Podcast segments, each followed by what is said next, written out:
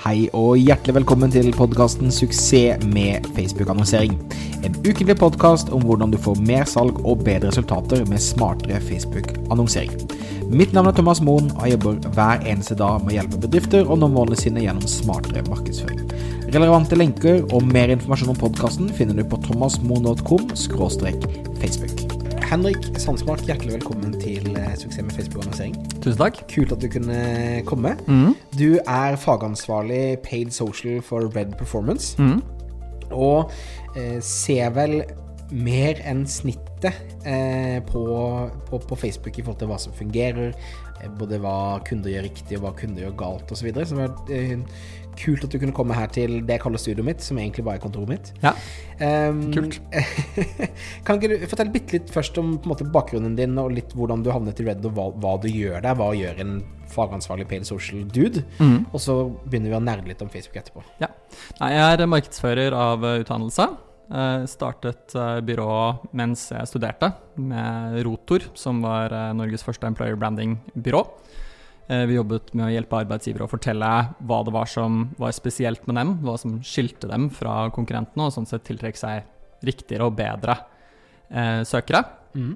Og da ikke bare at det var eh, liksom om å gjøre å få inn flest mulig, men da forstå hva som var essensen, på en måte. Og så brukte vi en liksom, kommunikasjonsinngang eh, på det. For eh, å spre det. Så vi hadde på en måte kommunikasjonsfag eh, bak. Ikke sant. Eh, holdt på med det i to og et halvt år. kom frem til at hvis vi skulle holde dette gående og lage et stort og fungerende byrå, så måtte vi holde på med det til vi var rundt ja, godt over 30. Mest sannsynlig. Så vi fant ut at vi ville gi oss mens leken var god. Mm. Og eh, hadde da en kontrollert avvikling på det. Og eh, rett etter det så eh, så jeg at det var en mulighet til å jobbe i Venture Factory. Som er liksom serielansering av eh, digitale konsepter. Nettbutikker og digitale tjenester. Eh, jobbet der med alt mulig fra, eh, fra advokattjenester på nett til eksklusivt dameundertøy. så det var Fikk en stor bredde der, samtidig som vi satt jo inhouse. Vi eide butikkene og, og konseptene selv. Ja. Så da fikk vi et veldig bevisst forhold til akkurat det å bruke penger. Istedenfor at det, måte, det var ikke lagt inn en bestilling, vi bare måtte levere på det. Vi jobbet faktisk liksom aktivt med Ecom. Uh, og Facebook var den delen jeg satt med, blant annet. Da. Og, og Hadde du noe spesiell erfaring fra Facebook fra før da? ikke liksom, spesifikt Facebook. Nei, skjønner. Så jeg fikk på en måte bakgrunnen i at jeg ble kastet rett inn i dette her, og vi ble målt på hvor mye det teamet vårt klarte å, å skape salg. Men vi hadde, vi hadde, mye penger bak oss til å skape vekst, så vi hadde mulighet til å trykke på litt grann, uten å måtte liksom, forsvare eh, Altså vi, vi, kunne faktisk gå ganske ut og få testet mye forskjellig, fordi at på sikt så var på en måte ideen at vi ville kunne ha en eh, avkastning på den kundebasen vi skapte. Ikke sant. Så da var det en, måte en vekstmarkedsføring heller enn denne her litt sånn sirumpa, eh, der du på en måte må få igjen penger for hvert eneste salg der og da. Ja. Så det var en litt mer langsiktig tankegang. Skjønner. Og så deretter så gikk du over til Red. Yes. Ja. Og, og, der, sånn jeg forstår det på rollen din nå, så da, da har du gått enda dypere på på betalt distribusjon på sosiale medier? Ja. Og primært Facebook, da, eller? Ja. I all hovedsak eh, Facebook. Mm. Uh, har um, gått på den delen som er bare uh, betalte. Så det er klart vi kommer i mye kontakt med det kreative. Og det har veldig nytte av all den tiden jeg har sittet og skrevet tekster og redigert bilder. Ja. Men uh, den tilnærmingen vi har nå, er egentlig mer i Excel-land, kan du nesten si, ja. enn det er i eh, kunstnerland. Ikke sant. Kan man si. Så det handler veldig mye om eh, det å sette opp eh, hva skal jeg si, avanserte eh, økosystemer. Mm.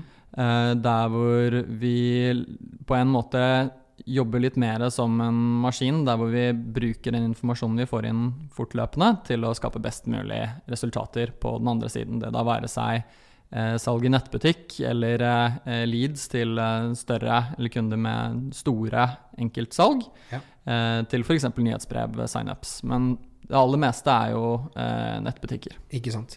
Og, og, og du, det er ganske store kunder du jobber med? Det er ganske romslige og sånn stort sett, eller? Ja. til Ja. dels. Så jeg har f.eks. livsskadeforsikring og IceNet Ja. på, på kundelisten. Og, og hva vil du si er den største forskjellen fra når du var i Venture Factory og skulle selge eksklusivt dameundertøy, Mm. eh, til der du på en måte ble var mye mindre penger til rådighet og et litt mer ukjent merkenavn, Mm. til det du jobber med i dag med store internasjonale merkenavn og, og et stort budsjett. Hva er de største forskjellene der i forhold til hvordan du jobber? Det er jo det at øh, det åpner seg Den øverste delen av trakta åpner seg jo litt der. At da begynner vi å lage kommunikasjon som er på det samme nivået som TV på en del, i en del tilfeller. Mm. Uh, så det er klart at når man har store uh, merker som skal nå ut og ha en kjennskap i liksom, hele befolkningen, som f.eks. da eh, mobile mobiloperatører eller forsikring er, Ja. så eh, er det klart at da må du ut, og du kommer til å nå egentlig hele målgruppen. Det er, liksom, det er relevant å si 18 til 65, begge kjønn, hele Norge. Ja. Eh, og da må du begynne å tenke på en litt mer sånn tradisjonell mediemåte ved siden av performance-løpet. Og så vil du ha alle lagene nedover i trakta også. Ikke sant. Så du vil fortsatt liksom segmentere på du sender, selger uh, hundeforsikring, f.eks., så vil du da ønske å finne en målgruppe som bryr seg om hunder. Og så vil du ha avanserte løp for f.eks. å koble performance marketing og CRM-løp, f.eks. Um, vi jobber mye med, med kundereise, og um, for mindre eh, bedrifter så gir ikke nødvendigvis det så mye mening å på en måte jobbe hele veien opp i trakta, men Ja. de jobber jo hele veien ned i trakta, Ikke sant? kan du si. Og da Mange som lytter her, er sikkert mindre selskaper som kanskje er litt skeptiske til å bruke penger på Facebook. De har kanskje prøvd å trykke på denne beryktede fremme-knappen et par ganger og Mm. ikke helt fått det til, osv. Mm. Hva ville vært dine råd til, til bedrifter som er i den situasjonen der? Så det som er veldig fint, er at um, det er ganske lite som skal til for å skape um, store resultater. Så måte, de laveste fruktene henger veldig lavt. Så du trenger på en måte bare å legge inn eh, kredittkortet, og så er du i gang nesten med en gang. Altså Boost Post er helt streit, egentlig. Ehm, og sammenlignet med en del av de andre større kanalene, siden du skal på en måte annonsere f.eks. På, på VG, eller du skal ha noe på radio eller i TV, så er jo terskelen mye, mye større. Her kan du på en måte se med en gang om noe fungerer eller ikke. Og så kan du fortsette å spille det gamet til du kommer inn i det liksom ekstremt komplekse. Så det er klart at du kan sette opp sånn utrolig avanserte løp og få noe for det. Eh, Du kan ha gigantiske budsjetter og få noe for det også, men du kan også bruke en tusenlapp og spre eh, noe som er salgsrettet, og så kan du måle de liksom, fem salgene du får inn. Ikke sant? Og det er veldig tilfredsstillende. Og, men, men, men ville du ha bedt de om å em, gå rett på å selge produktene sine, eller ser du med din erfaring at man kanskje skal, skal varme de opp og putte de gjennom en, noen, noen lag med ting før Mm. man, man går inn? For det tror jeg er vanskelig for en, for en liten bedrift som stort sett får folk kanskje inn døra, eller som de ringer til de, og så selger de de til på den måten. Hvordan, hvordan ville du rådgitt de til å tenkt? Eh, Det avhenger jo veldig mye av caset, eh, men, eh, som, som alltid. Men i overraskende mange av tilfellene så kan du gå rett på, på salg. Ja. Du kan lage egentlig ganske enkle annonser som bare snakker om den ene tingen du skal selge. Eh, og eh, branding er selvfølgelig kjempeviktig eh, sånn generelt, men av og til, hvis du Si du skal selge øvelseskurs, digitalt kurs for båtførerprøven, da, f.eks. Mm. Så vet folk hva båtførerprøven er. De kan se for seg hva det vil si å ta den digitalt. Du Digit. sier hva prisen er, og så eh, følger de en lenke, registrerer seg på nett. Det er liksom ikke snakk om at de går og kjøper et annet sted, så du har ganske god call på det. Eh, og da får du veldig enkel input på hvor mye det koster å skape et salg, og så finner du ut om er det verdt å betale 300 kroner for å få dette salget her som gir meg en 1000 kroner, f.eks. Ikke sant? Så da er du raskt i gang. Ja, det høres veldig fornuftig ut. Og du sier at du sitter med på performance-delen, og så er det noen Mm. andre som skaper innholdet Mm. for dere. Hvordan, hvordan samarbeider dere, eller samarbeider dere i det hele tatt? Og Mm. Hvordan, kan du på en god måte kunne klare å kommunisere til noen som lager innhold, for å få de til å lage innhold som selger bedre? Mm. Det er det, er egentlig veldig spennende, fordi ehm, de som lager innholdet, bør jo få ha tilgang til all den innsikten vi sitter på. Ja. Så hvis vi sitter og, og skrur og finner den beste av fem annonser der hvor alle er dødsdårlige, så, så er, hjelper det ikke så mye at vi har klart å finne den beste av de fem. Vi har jo lyst til å finne på den sjette, som er helt genial. Ehm, og det vi ofte pleier å gjøre, er å be, be de som lager innhold, å være litt sprøere. Uh, av og til så gir jeg dem et lite tupp bak ved å begynne å lage innhold selv. Ja. Og så er det innholdet jeg lager, bedre enn det de lager. Det er gøy. Ja, ikke sant? Så det er klart nå har, jeg har jo jeg på en måte jobbet mye med tekst og bilder fra før, Ja. så jeg har de sidene, men, men eh, jeg lager av og til litt mer Litt mer klønete, litt rarere annonser. Jeg tror ofte det er lurt å lage rare annonser. Gå inn for å være off. Få, få eh, mottakeren til å liksom lure på hva er dette for noe. Eh, ikke på en sånn måte som måte skader merkevaren din, selvfølgelig. Men eh, hvis du, eh, hvis du finner, har veldig mange sprø hypoteser, så du, liksom, du skyter i alle retninger, og så bruker du den innebygde muligheten vi har til å veldig raskt se om noe funker eller ikke, Ikke så kutter du bort det daukjøttet, og så er det altså, Vi vil gjerne ha ti utgangspunkt, og så vil vi at åtte av dem skal slå feil. For det koster ingenting. Og, og det er også ganske uvanlig, for, for Mm. før hvis man puttet annonser i lokalavisa eller på radioen eller på TV-en, så, Ja. så måtte det treffe. Ja. Men som du sier, og som jeg tror det er veldig riktig, er at du må ha heller et, en, en, et mindset om at du skal teste så mye som mulig for å sjekke at det ikke funker, for å beholde det, det lille Ja. som fungerer. da. Ja, og det er jo det som er at med denne kanalen så følger det med veldig mange nye ting du kan gjøre, som på en måte gjør at du må bli flink til en del ting du ikke trengte å være flink til før. Men også en del ting man måtte være flink til før, som man ikke trenger å bry seg så mye om. Som i dette tilfellet her er det at alle annonsene skal funke. Så kan, altså det del, gir deg en del friheter som du kan lene deg på for å skape bedre resultater. Og det er noen, noen av kundene vi har der hvor må, måte, ting vi aldri hadde sett for oss at skulle fungere, viser seg å fungere, for vi prøver så mye rart, og så ser vi med en gang hva som funker og ikke funker.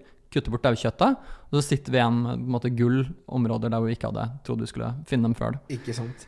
Jeg tror jo også Jeg får ofte inntrykk av at eh, kundene eh, Kundenes inntrykk av hvem deres kunder igjen er, Ja, ikke alltid er, er sann. veldig enig. Det er veldig enig. Og, og det er også interessant eh, hvordan måte, data kan bare for, for, fortelle til deg du, mm. hvem det er som egentlig kjøper. Ja. Og, og, og kan skape nye businessmuligheter og måte skape en, en helt ny måte å kommunisere produktet på. Da, Ja. jeg tror er kan- He- Helt, helt enig i det. Altså, nå er det jo på en måte litt surt at vi har mistet en del av de mulighetene vi nylig hadde til å egentlig bare slenge inn en e-postliste. Og så kunne vi finne ut på en måte hvor i landet de som den e-postlisten tilhørte, og hva slags interesser de hadde, var. Altså, vi gjorde jo aldri dette på individnivå, men vi hadde, liksom, hadde en, alle Facebook-markedsførere hadde jo inntil nylig en mulighet til å få en veldig rik innsikt der. Eh, og det er det forståelig nok ikke mulig å gjøre lenger etter, etter GDPR og en del innstramminger hos, hos Facebook. Ja. Uh, men det du fortsatt kan gjøre, er selvfølgelig det å dele opp målgruppen din og få en del innsikt i hvor er det du treffer. Litt, litt sånn spesifikt hands on-tips der er at du eh, kan bruke den menyen på høyre side i Ads Manager, som der det står breakdown. Og da kan du få breakdown på alder og kjønn og område i eh, landet, f.eks. Ja. Og da viser det seg av og til at målgruppen er en annen enn den du tror, og at det er forskjellige mennesker som responderer på forskjellige, um, forskjellige resultater. Godt tips. Mm. Er det er det, er det mange feil som går igjen, som vil si at det, altså, du overtar jo ofte kundekontor, ikke sant? Mm. Eh, Er det mye sånn satte sannheter som kanskje ikke er sant lenger, som, eh, som hadde vært nyttig for oss å, å høre om? Ja. Min største kjepphest har jeg, kokt ned til at eh, metoden din er viktigere enn planen din. Og i det så ligger det ikke det at man ikke skal ha en plan, men ehm, det jeg ofte ser, er at eh, kunder har en idé om akkurat hva som er den lureste måten å gjøre det på. De har satt budsjettet. La oss eh, si at man, bare for å ta tall, sier jeg har 100 000 i budsjett, og eh, 50 av dem skal gå mot denne målgruppen, og 50 av dem skal gå mot denne. Og, og uansett om eh, annonsene fungerer bra eller dårlig, så skal vi bruke det budsjettet. For hvis vi skulle gjort noe annet, så hadde det vært rart, på en måte. Ja. Um, men du kan egentlig umiddelbart finne ut at uh, dette her er ikke verdt å bruke pengene på. Vi må ta et steg tilbake. Vi gjør ting på en annen måte. Mm. Uh, og da er det vår plikt som spesialister å, å se akkurat det, og, og, rådgi på en måte som gjør at vi klarer å gjøre noe med det. Uh, så jobben vår er jo på en måte å, å maksimere verdien av de pengene som kunden vår legger i markedsføring. Mm. Enten det er på den ene eller den andre måten. Eh, og da må du på en måte alltid tilpasse deg på den måten som du har best mulig, mest tro på at vil fungere. Uh, og, og, da har det ikke så mye å si hva den planen din opprinnelig var. Planer er veldig fine for å sørge for at du får ting klart til riktig tidspunkt, og at du er klar før Black Friday eller til jul, eller hva det måtte være. Mm. Men, men, du kan avpasse så mye underveis, og, og, det er jo noe ironisk da med at i en eller annen grunn så skal den, ting, den vurderingen du gjorde mens du ikke hadde data for en måned siden, skal plutselig overstyre den, det valget, den vurderingen du gjør når du sitter der med data Ikke sant? Eh, og har helt oversikt. Ja, ja, ja. Så, så, må man likevel følge planen, og det, det, er veldig dumt. Fordi, og det er forståelig at mange tenker sånn, fordi i gamle dager så var det jo slik. Mm. Da måtte man jo det for å være klar til den perioden da man skulle kjøre TV. Kunne ikke endre det underveis. Ikke sant? Du har gjort allerede den bookingen, du kan ikke skru av. Men det tar vel liksom ti sekunder før annonsen din slutter å levere, hvis du skrur dem av i Facebook. Ja.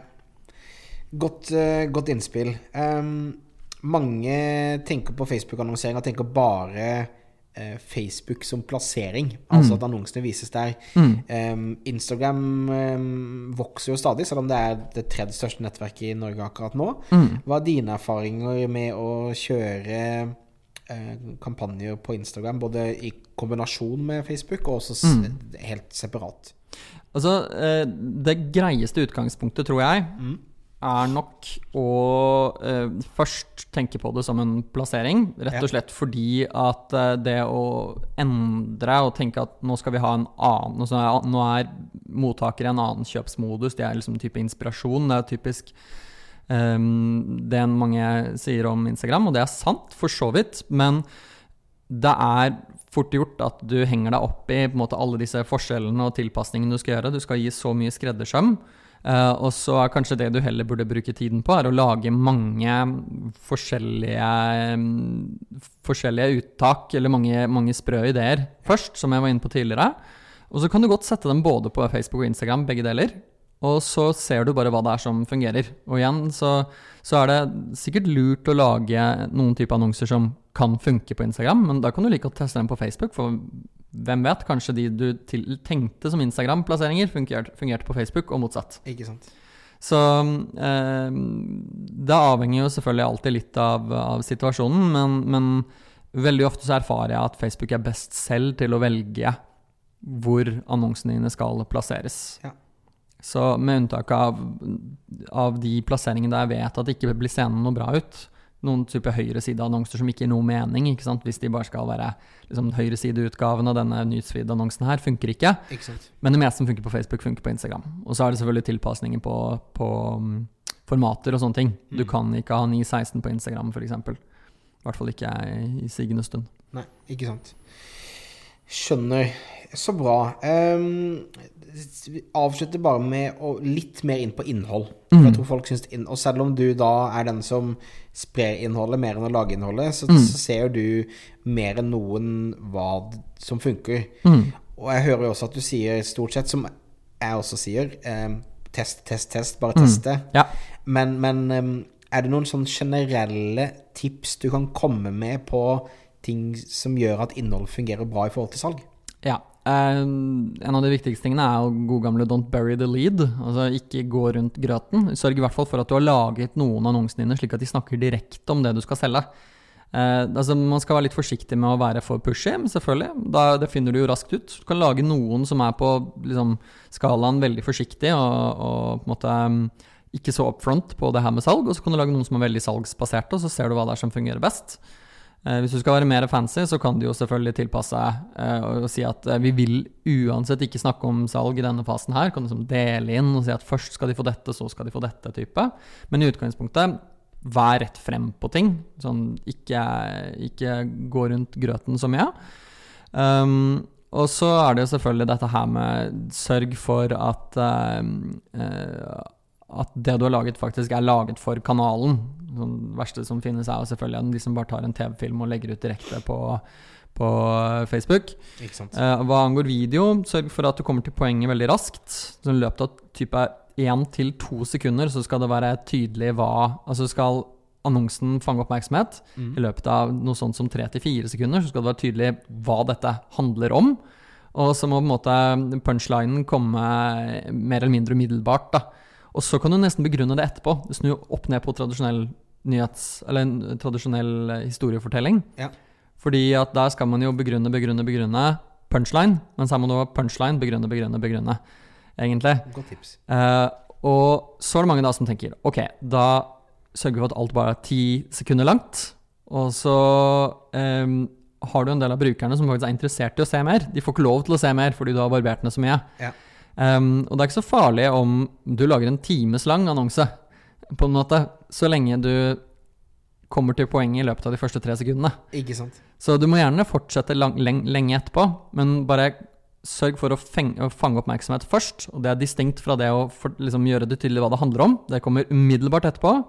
Og så kan du egentlig etterpå bare sitte og være kul på en eller annen måte. Hvis du har en veldig, veldig fin video, så for all del, bare kjøp på med det. Liker det. Og, og, og tekstmessig, da? Langt, kort, emojis Eh, sørg, sørg for at du kommer eh, At du Det er litt den samme regel, regelen her. At eh, i hvert fall skal det være tydelig fra overskriften hvorfor du bør fange oppmerksomhet. Ofte så pleier jeg ikke å lage så lange tekster, fordi folk leser dem ikke uansett. Nei. Så som regel tenderer mot å være uh, korte. Um, emojis kan du bruke hvis det matcher med måten å snakke på. Um, jeg er ikke sånn Av personlighet har jeg aldri vært så mye på emojis selv. Um, men uh, vi ser i noen tilfeller at det fungerer. Uh, Jeg kan også si at den første annonsen som var bare emojis, som bare var bilde av Jeg tror det var noen krabber og noen delfiner og noe ting, som handlet om noe som var sjøbasert. Ja. Det var bare det i annonseteksten. Det ser jo helt merkelig ut. Men um, jeg gleder meg egentlig til å se hvordan den går i løpet av de kommende dagene.